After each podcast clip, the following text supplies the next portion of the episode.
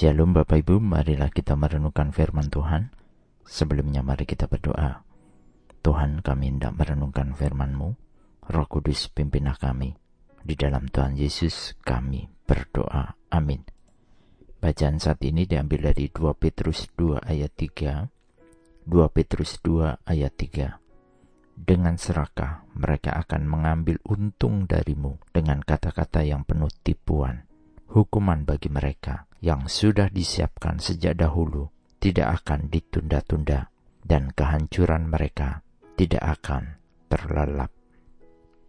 Sejarah adalah peristiwa dan kejadian di masa lampau yang dicatat atau diingat. Peristiwa dan kejadian di masa lampau ini bisa menjadi panduan kita di masa kini untuk melakukan atau menghindari jikalau ada kejadian atau peristiwa yang sama ada terjadi di masa kini. Pasal bacaan di 2 Petrus 2 ini mengingatkan kita tentang hal-hal yang harus dihindari atau dilakukan, mengingat kisah di masa lampau yang juga berlaku di masa kini. Kita diingatkan untuk tidak mengikuti pemimpin yang pada akhirnya hanya menipu dan mengambil keuntungan dari kita.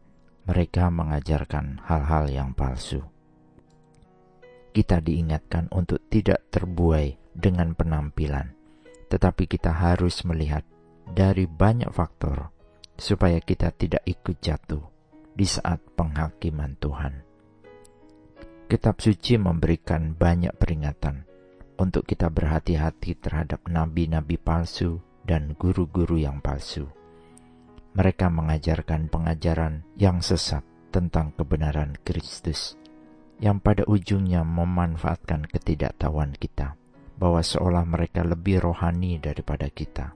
Kita yang tidak pernah mau merenungkan firman Tuhan, mudah untuk menerima penafsiran-penafsiran mereka, sehingga kita pun menerima pengajaran yang jauh dari kebenaran firman itu sendiri. Peringatan ini penting bagi kita untuk terus kita pahami, supaya kita tidak terus terbawa pada pengajaran yang tidak benar. Juga kita yang dimanfaatkan kehadiran kita justru untuk meraih pengikut lain yang sefaham dengan kita karena ketidaktahuan. Kita memang membutuhkan pemimpin rohani bagi diri kita, tetapi kita secara pribadi juga harus terus belajar tentang kebenaran firman Tuhan. Karena pada akhirnya kita sendiri yang akan mengenal Tuhan yang benar seturut pertumbuhan iman percaya kita.